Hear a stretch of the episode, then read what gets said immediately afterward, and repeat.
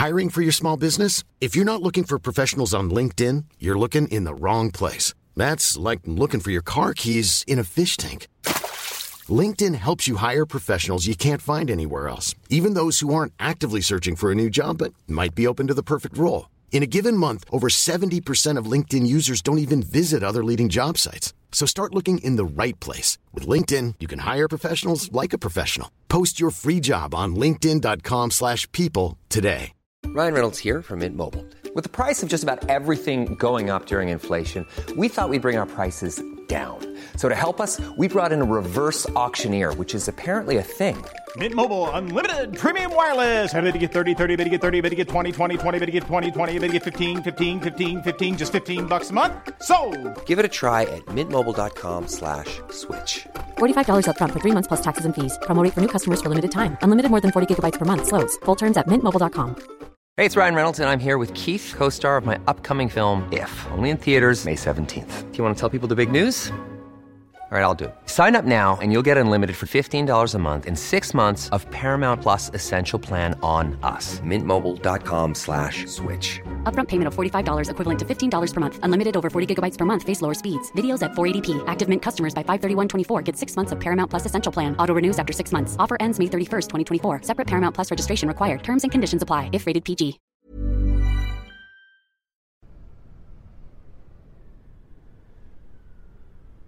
Ja, det var morgon, snöblandat regn, jättekallt, blåsigt, helt ödeörat, såg inte människa någonstans eller någonting. Det är den 21 december 2018. I bostadsområdet Tallgården i Mölnlycke bor Lena som tidigt denna fredag morgon är på väg för att handla julmat med sin pappa och en bekant.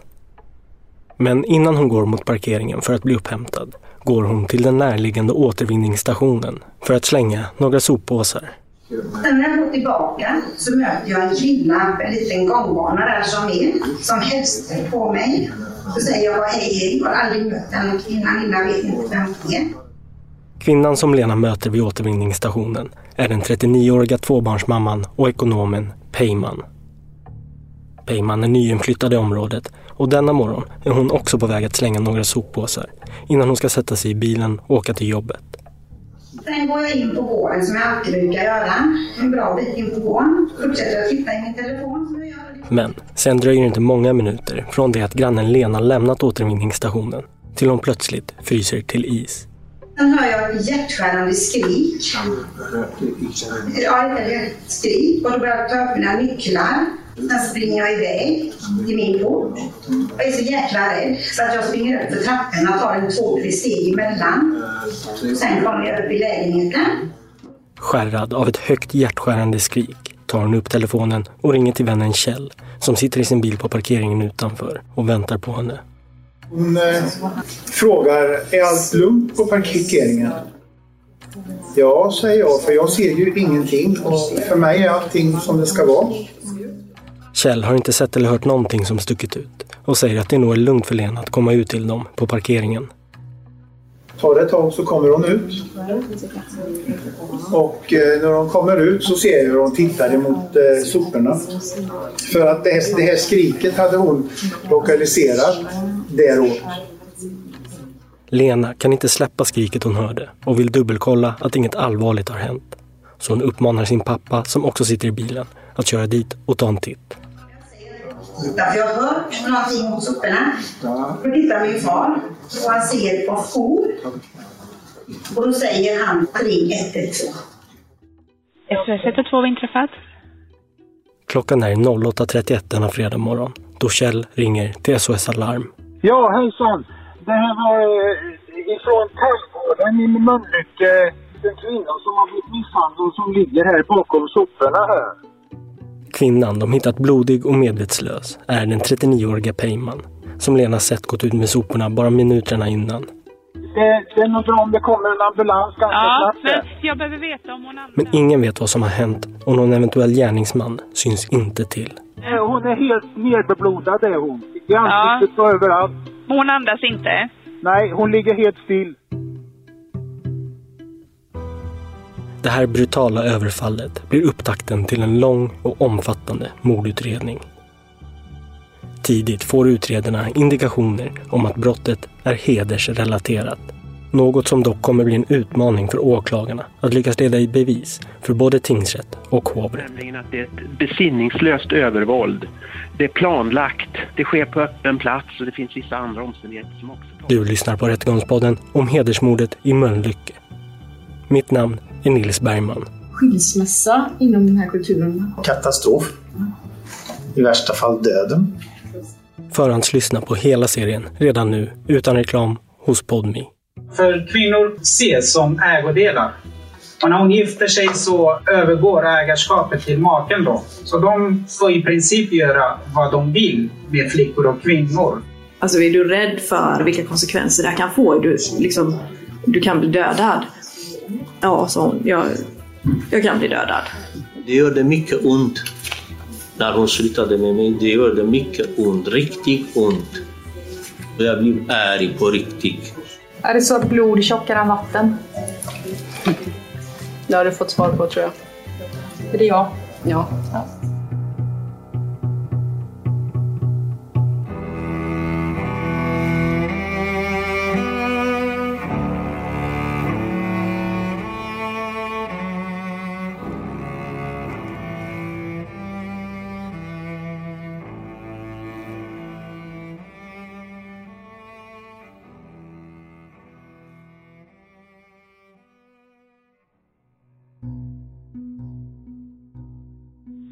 hon är helt still vet du.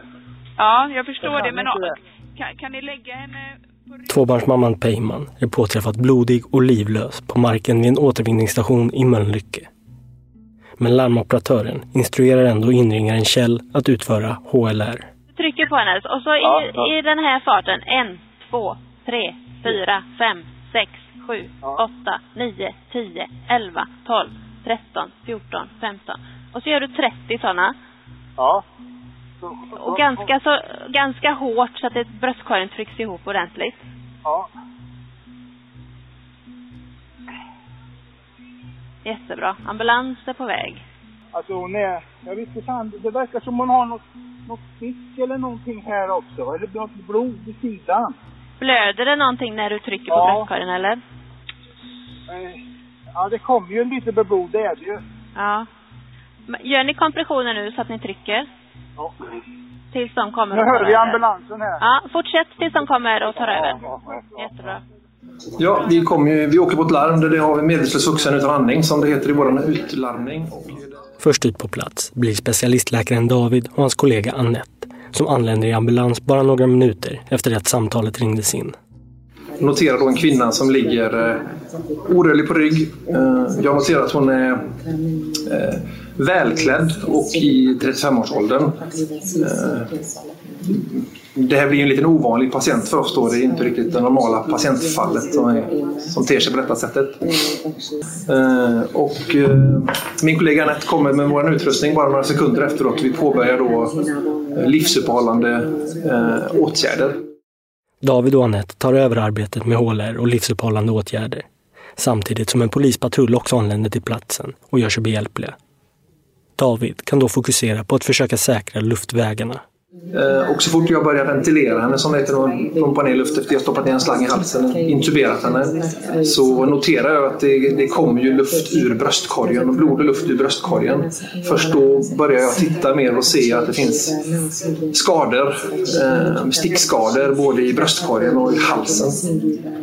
Eh, vi bestämmer oss då för att ganska snart ta in henne i ambulansen och fortsätta arbetet där. Och då har vi konstaterat en, en medvetslös vuxen som har ett hjärtstopp av traumatisk karaktär. Alltså det är ett hjärtstopp som kommer sig av att det har hänt något yttre våld, yttre trauma. Då. Det är ju en besvärlig situation. Vi har då blod och plasma som vi börjar ge henne för det är det som är räddningen, att återställa cirkulationen på något sätt. Det gör vi inne i ambulansen. Och eh, vi påbörjar transporten mot Sahlgrenska för att vi förstår att det är en väldigt kritiskt sjuk person. Under de 10-12 minuter de befann sig på platsen med Peyman såg de inga livstecken och i rättssalen reflekterade David kring att de där och då hade kunnat dödförklara henne. Men de ville ändå åka in med henne akut till universitetssjukhuset Sahlgrenska för att kunna ge henne en sista chans. Vi måste ju ge henne alla, alla chanser som... Alla möjligheter. Alla möjligheter som, som står. Men rent tekniskt så var hon egentligen redan där. Skulle du kunnat dödförklara henne redan där Ja, precis. Det skulle jag tekniskt kunna göra och det har jag sagt i vittnesmålet också. Att det, rent tekniskt skulle jag kunna gjort det. Men eh, Du väljer att ge henne en chans. jag väljer att arbeta vidare. Liksom. Samtidigt som detta sker har gärningsmannen, Riskar, som är Peymans exman, tagit sig till sin yngre bror i en lägenhet vid Bergsjön, någon mil norr om Tallgården. Den yngre brodern tycker att Riskar beter sig konstigt och verkar uppjagad. Och han väljer att i sin tur ringa till deras äldre bror, som vi kan kalla för Sami.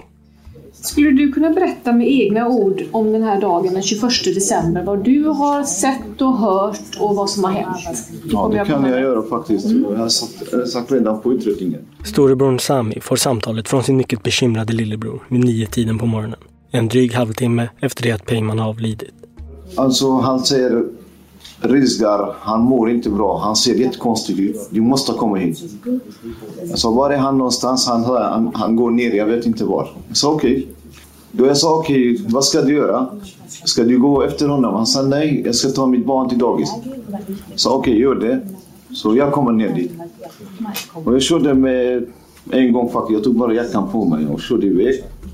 Sami befinner sig inte långt från Bergsjön och sätter sig i sin bil för att åka över till sina bröder. När han börjar närma sig upptäcker han Riskare ståendes vid en busshållplats. Och han, är, han var inte den bron jag kände faktiskt hela mitt liv. Han var helt konstig. Han såg konstig ut. Han var helt alltså, blek i ansiktet och sen alltså, väldigt rufsigt här i håret. Så jag tittade, vad har du gjort? Har du bråkat? Så nej, jag har skadat henne. Så vem är henne? Vem är hon? Alltså, pivan säger han. Riskar anförtror sig till Sami och erkänner att han alldeles nyligen skadat sin exfru Peyman.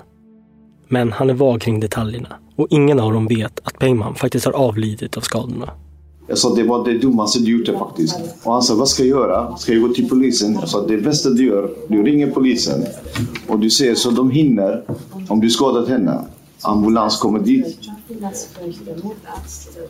Ja, jag vill ha kaffe sa han först. Jag måste dricka kaffe. Riskar dricker aldrig någon kaffe utan väljer att ringa till polisen vid tio tiden på morgonen för att anmäla sig själv. Polisen? Vad sa du? Hallå? Hallå, hallå. Hej, det är polisen här. Hej. Du, jag vill anmäla mig. Eh, Jag har sla... slagit min före detta med kniv. Okej. Vad- Ja. Vem är du då? Jag heter Risgar. Okej, var befinner du dig? Jag befinner mig i Bergsjön. Vilken adress? Eller mot Kortedörr. Eh, jag, jag, vill komma, komma, jag vill själv komma till polisen. Ja, men om vi kommer och möter dig? Jag ska komma själv. Du ska komma själv? Jajamän. Riskar betonar aldrig allvaret i skadorna han utsatt Peyman för. Vilket gör att polisen som tar emot samtalet inte direkt kopplar ihop den händelsen som Riskar pratar om med den kvinna som polisen nyligen hittat avliden. Riskar är också mån om att inte bli upphämtad utan vill med bestämdhet själv komma in till polisstationen. Vad, men du säger att du snart Ursäkta, är det, är, det, är, det, är det så svårt att ni fattar? Jag vill själv komma dit. Ja, jag För ni ska att inte komma och ta mig framför dit. Nej. grannarna. Nej, jag det, det, förstår det. är det. inte Vi har anmält mig så det är en klass jag tror. Ja, jag förstår det. Men eh, jag är bara nyfiken vart du är nu. Har du långt kvar dit, eller? Alltså, om du har långt kvar till där du parkerar? tio minuter. Tio minuter kvar? Ja. Okej. Okej. Okej, hej då. Nej, vänta kvar i telefonen. Varför det? Ja, men för att jag vill prata med dig så länge bara. Nej, jag vill inte så prata. vet Jag har pratat så riktigt. Så jag kommer själv. Hej då. Men eh, försök att vara kvar här så länge. Inringaren har lagt på där. Han har lagt på nu. Ja. Jag tänker lite där angående frugan, för det vill han inte prata med mig om nämligen, om hon behöver ambulans. Och han var Ja, ju vi- bilen, det hörde jag också. Vi vet ju, alltså frugan är hon som är hittad i, i där uppe i eh, Mölnlycke. Jaha. Jaha. Okej, men då kopplar jag ihop det där. Ja. men Så att, då eh, gissar jag att ni återkommer och behöver ytterligare hjälp från oss. Ja, det gör vi absolut. Tackar jag Bra, tack. Hej. Hej, hej. Så vi kör till Afrikgatan där han bor. Det blir aldrig så att Riskar själv åker till polisstationen, utan brodern Sami kör honom till Riskars lägenhet, vars adress polisen nu också har tagit reda på. Då kommer helikoptern precis där och märkte alltså han ringt då det GPS som polisen brukar ha den tekniken. Väl framme ser Riskar och Sami de två polisbilar som väntar på dem. Riskar ger sig till känna och blir snabbt omhändertagen. De eh, tömde hans fickor på massa tabletter och eh, alltså allt han hade i fickan. Så jag tog en cigarett och rökte. Alltså jag hade ingen nerver. Det kändes så konstigt. Så jag ber polisen, kan ni ringa ambulans snälla? Han säger hon är skadad. Kan ni göra det? Ja, han sa det, ambulansen är där. De är där. Så okej. Okay. Det var lite lättnad för mig faktiskt att ambulansen hann dit. Lättnaden blir dock inte långvarig, för snart framgår det för Riskar och brodern att Peyman har avlidit. Brodern Sami misstänks inte för något brott, utan förhörs på plats som vittne. Han frågar mig vem är jag, sen sådana personnummer och sånt. Och jag lämnade allt som han bjöd faktiskt. Det var allt den dagen. Riskar däremot, som själv tagit på sig skulden för överfallet och erkänt att han citat slagit sin före detta med kniv, grips på sannolika skäl misstänkt för mordet på Peyman. Han körs in till polisstationen för förhör. Peymans kropp undersöks nu för att få ett tydligare grepp om skadebilden som kommer visa sig ha viss betydelse när det senare kommer till att fastställa ett motiv. Skador eh, framförallt på övre delen av kroppen, eh, på bröstet, eh, på armarna, eh, i halsen eh, och eh, i ansiktet. Rättsläkaren Michelle Bentz kan snart fastställa att det är ett omfattande och kraftigt övervåld som Peyman under en kort period utsatts för. Så dödsorsaken har varit en kombination av sticksåren som har varit på bröstet eh, och var sårkanalerna har gått in i halsen. Eh, tre stycken eh, sticksår har haft kanaler som har gått in i halsen med skador på större blodkärl. Ehm, så de har bidragit genom blodförlust till dödsorsaken. Och då har vi också två stycken sårskador som har gått in i bröstet. En av dem har gått in i högra lungsäcken och även in i högra lungens övre lob. Och eh, då har vi också en eh, sårkanal som går genom bröstbenet, in i hjärtsäcken och in i hjärtats högra kammare. Så en kombination av dessa skador har varit dödsorsaken. Mm. Utöver ett stort antal stickskador upptäcker Michelle även att trubbigt våld utdelats mot Peymans huvud. Hon ser även ett antal skador på Peymans högra arm och hand. Uh, utseendet och lokaliseringen av skadorna på högra handen um, talar för att de har uppkommit genom eh, en försök till avvärjning. Eh, så att eh, den avliden person antingen har försökt att skärma av eller att ta tag i föremålet som har, som har orsakat skadorna. Mm.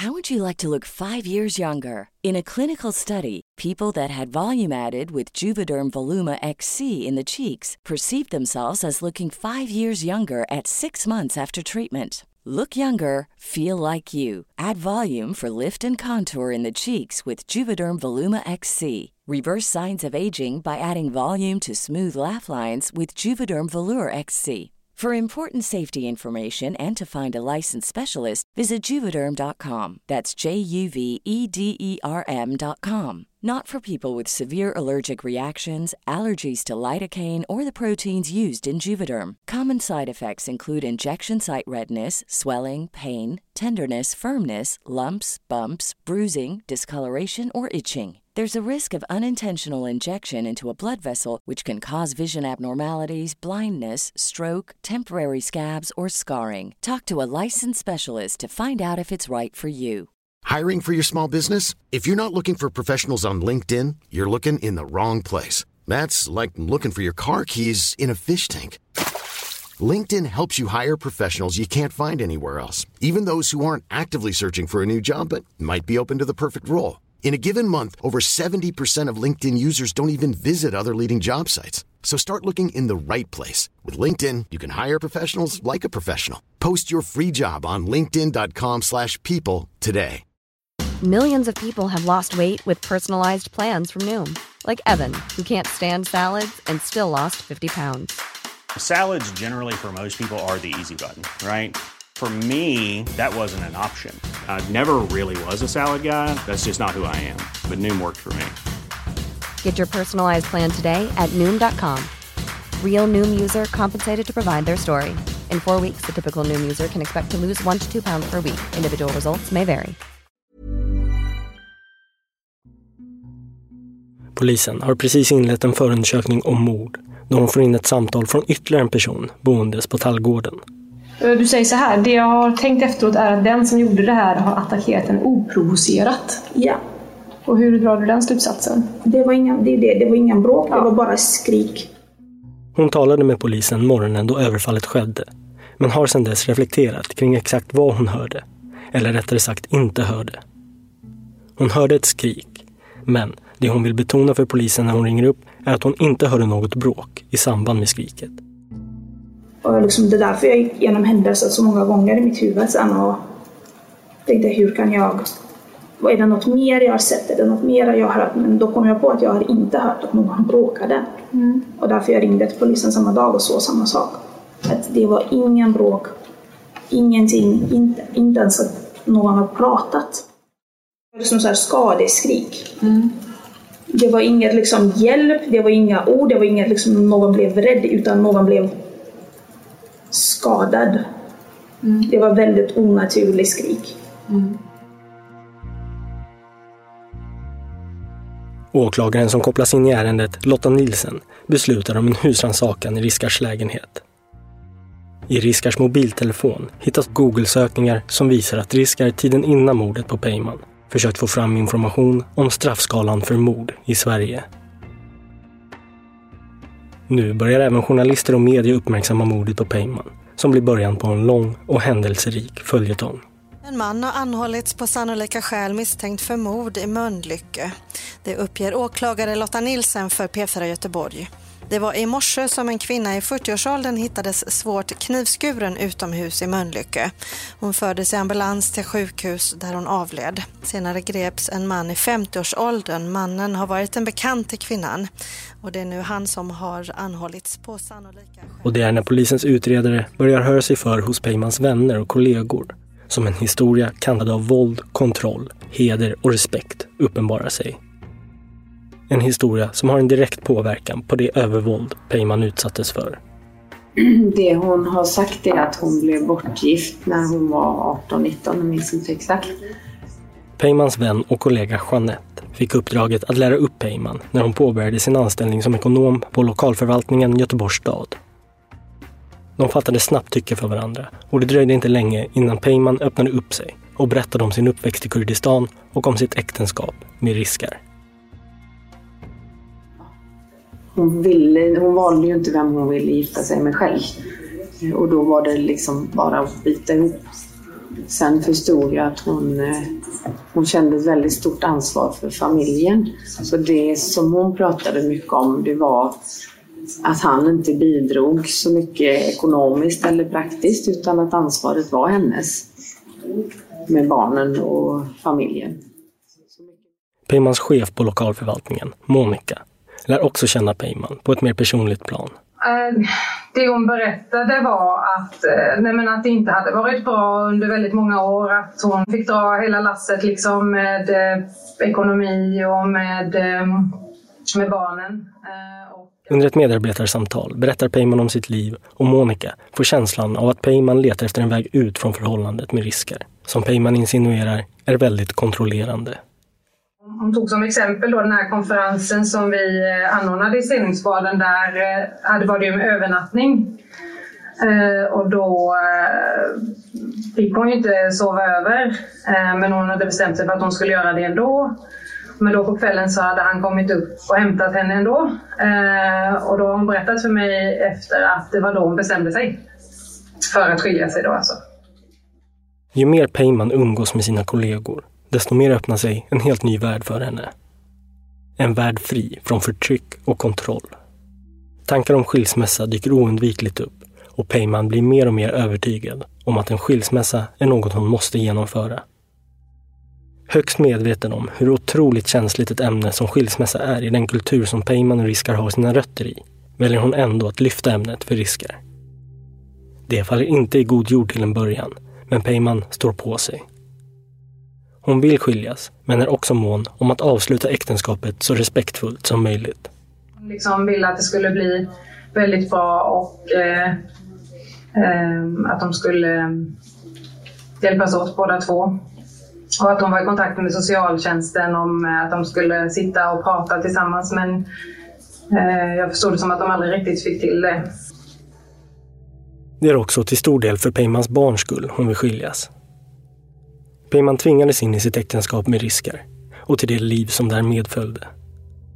Förtryck och begränsningar har varit vardag för henne och det är någonting hon inte vill föra vidare till sina egna barn. Så under sommaren 2015 väljer Peyman att genomföra en skilsmässa mot Riskars vilja.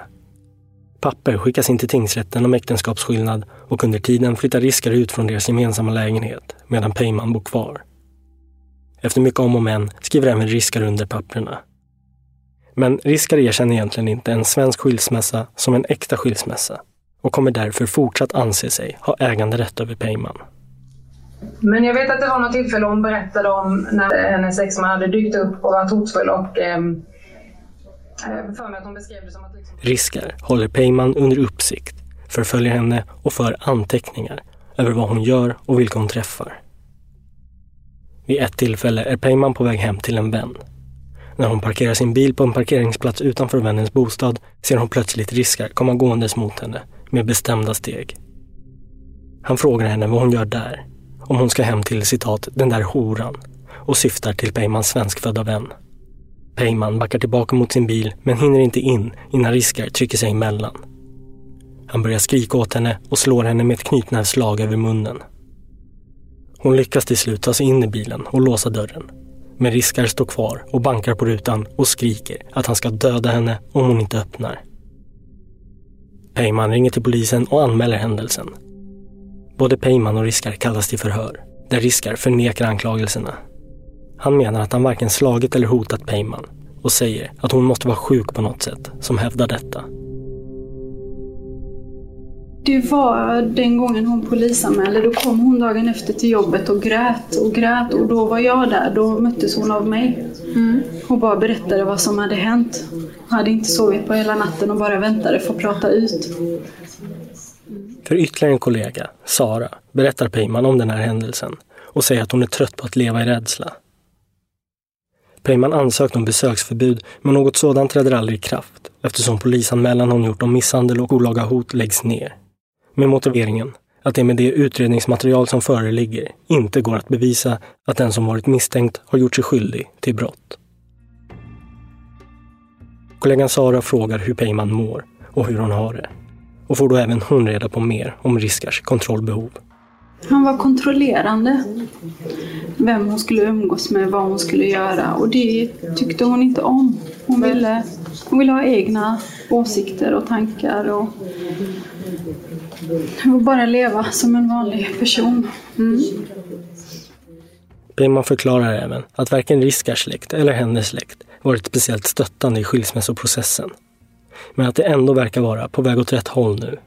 Men senare så vet jag att hennes familj började acceptera det mer. När hon liksom förklarade för dem, pratade med dem om hur hon mådde. Efter ett tag så började de acceptera det. Mm. Men hans familj vet jag inte. Det... Jag vet bara att de inte ville att de skulle skiljas. Mm. Så det var ju väldigt mycket i hennes liv som, som handlade om det då.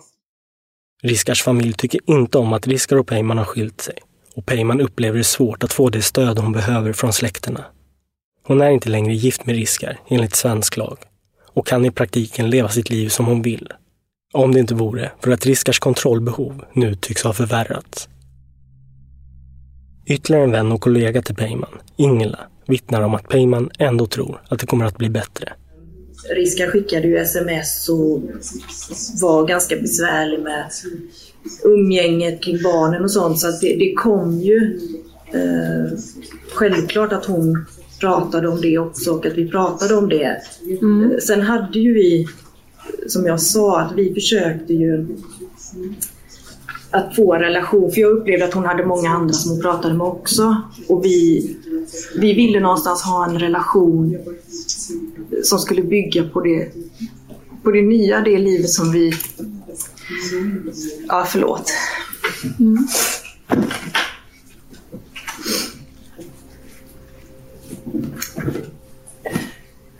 Att hon, att hon och jag skulle känna varandra där hon var en, en fri kvinna. Till samtliga vänner och kollegor visar Peyman med tydlighet att hon vill blicka framåt. Och hon pratar entusiastiskt om hur hennes nya liv kommer att se ut. Att de alla ska kunna träffas och umgås som vanligt. Men där är inte Peyman ännu. Hon är fortfarande fast i händerna på förtryck, förföljelse, anklagelser, misstro och hot. Något som även vännen Ingla blir varse. När vi skulle träffas så eh, kom hon inte ut och mötte mig utan jag kom alltid liksom hem till henne. Hon berättade ju att hon, eh, att hon visste att han eh, var med bil och, och liksom på kvällar var och kontrollerade henne utanför huset. Som svar på varför de inte kan ses tillsammans säger Peyman att det är för att hennes kultur anser att Ingela, citat, är en blond svensk. Och genom att leva som en självständig kvinna står Ingela för just det som den kulturen försöker att förbjuda och förtrycka. Jag var ju en, eh, en lössläppt eh, svensk. Alltså, jag var blond och det var inte bra. Men det är just denna självständighet som hägrar för Peyman. Och hon känner att hon måste statuera ett exempel för sina barn. Hon kan inte räkna med att de kommer försöka leva sina liv som de vill om inte Peyman kan visa att hon kan det. Och där, där pratar vi just om det här för att samtidigt som hon pratade om, och jag, att hon måste vara försiktig, så är det ju också viktigt att också i handling eh, visa att det faktiskt är okej. Okay. Så att någonstans så satt hon i ett moment 22 där hon kunde inte göra rätt. Vad hon än hade gjort så hade det blivit fel. Men samtidigt så var det viktigt för henne att visa att hon stod upp för vem hon faktiskt var och vad hon ansåg vara rätt och att det var rätt. En ny och mycket central vändning sker våren 2017 då Peyman träffar en ny man. Var hon lycklig? I slutet? Mm. Med Andreas. Då var hon lycklig? Ja, det var då hon var väldigt... Hon hade hittat något som gjorde henne väldigt lycklig. Mm. Hans namn är Andreas och är enligt Peyman perfekt på alla sätt och vis. Han visar Peyman stor respekt och med Andreas känner sig Peyman fri för första gången i sitt liv. Den nya, sprudlande glada och nykära Peyman går inte obemärkt förbi bland hennes vänner och kollegor. Alltså, nej men hon, hon var jätte, jättelycklig. Jätte, jättekär. Och, ehm, eh, och det var väl också det att, att ehm, för hon, alltså detta är ju en, en väldigt mogen, en väldigt klok kvinna. Ehm, Balanserad. Men också någonstans så kunde man kanske märka just det här att det fanns saker som, som hon kanske inte riktigt hade upplevt. Så att den, den kärleken var så... Eh, alltså tonårslik fast på ett fint, då, då menar jag det på ett fint och moget sätt. Men hon var så jätte, jätte, jätteförälskad och hon fick så mycket kärlek och just respekt och frihet utav Andreas. Alltså. Det enda problemet är att Andreas är en svenskfödd man. Både han och Peyman enas om att vara försiktiga med hur de uttrycker och visar upp sin kärlek, fullt medvetna om att risker fortfarande finns med i leken. Men att hålla den här relationen dold är dömt att misslyckas. Inte nog med att Riskar försöker att övervaka henne, så finns även problemet att Peymans släkt och Riskars släkt är släkt med varandra. Peyman och Riskar är nämligen kusiner och genomförde ett så kallat kusinäktenskap när de gifte sig i Kurdistan. Det är alltså bara en tidsfråga innan saker och ting kommer behöva förklaras. Vi hör vännen Sara. Sa hon någonting om vad hon riskerade genom att göra det här och gifta om sig med Andreas? Hon döljde ju det väldigt länge. Eh, inte för sin familj, men för omvärlden just för att hon var rädd att hans familj skulle liksom sprida ett rykte, ge sig på henne våldsamt. Lite sådana saker var hon eh, rädd för. Så det var risken hon tog? Ja, men precis. Rykte och att någon kanske ja, hennes exman våld, alltså, våldsam mot henne. Som ett led i att försöka bryta sig loss från Riskars kontroll väljer Peyman att flytta till en egen lägenhet på Tallgården i Mölnlycke. Hon var väldigt lycklig när hon kom dit. Hon var jättestolt över den lägenheten. Och, och kände sig nog ganska säker och trygg där. Um, I samma veva bestämmer sig också Peyman och Andreas för att gifta sig. Peyman är lyckligare än hon någonsin varit. Men snart upptäcker hon att Riskar har förföljt henne även dit. Bland annat så har han tagit ett jobb i en kiosk inte långt från hennes nya hem. Då tyckte hon det var väldigt obehagligt för hon upplevde att han närmade sig. Liksom. Men jag vet inte mer än så. Mm. Men hon kände sig trygg i Mölnlycke och när han plötsligt var i kiosken så var det värre. Sen var det ju också sista gången som vi satt och fikade i, i förra, ja, i vintras då, i, eller i september. Eh, när hon pratade om att, eh, ja, att hon, hon kände att hon behövde liksom gå, ja hon ville gå vidare och hon eh, eh, Ja, förlåt, jag ska bara hämta mig. Det är inget konstigt att du blir ledsen, det blir man när man tänker tillbaka. Var det, var det senaste eller sista gången du träffade Peyman i, var det i september 2018? Ja, det var i september 2018 som vi satt ner och fikade. Sen träffades vi på, vi sprang på varandra också vid ett, eh, ett annat tillfälle. Och eh, hördes av via eh, jobbet så, men det var då vi satt ner och pratade. Och då, då pratade hon ju om att, att, eh, att hon hade lite mer planer på att eh, flytta ihop med eh, Andreas. Eh, och det var ju också saker som var jättejobbiga för henne just därför att hon, hon visste ju att hon kanske skulle eh, att det skulle bli jättesvårt för hennes barn. Och då vet jag, då sa jag det liksom att eh, att men är, är du alltså är du rädd för för vilka konsekvenser det här kan få? Är du liksom du kan bli dödad. Ja, sa hon. Jag, jag kan bli dödad. Och vi, vi visste ju det, både hon och jag någonstans, men, men samtidigt så tänker man att det...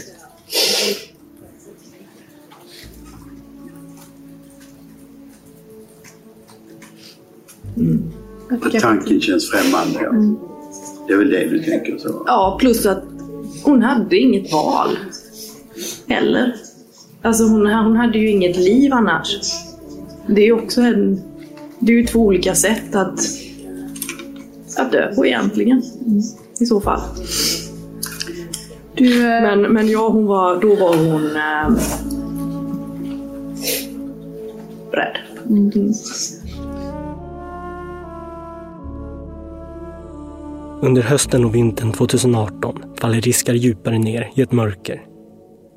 Han anser att Peyman dragit skam över både honom och släkten och han har förlorat rätten till respekt från männen i hans omgivning. Han har förlorat sin heder. Han ser ingen annan lösning än att åka hem till Peyman för att döda henne.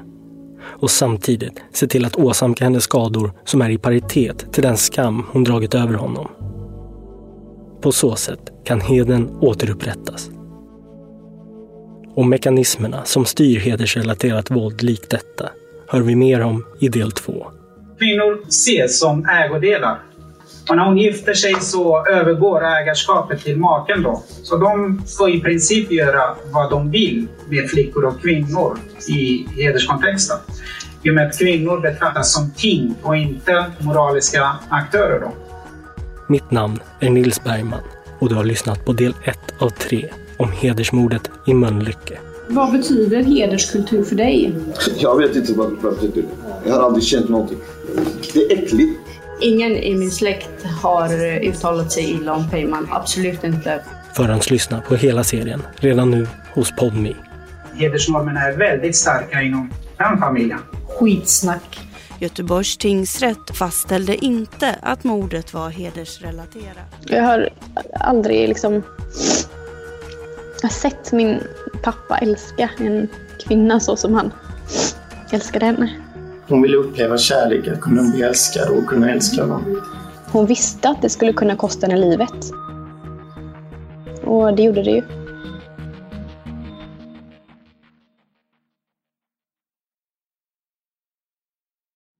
Rättegångspodden är en Tall Tale-produktion. Ansvarig utgivare är Jonas Häger.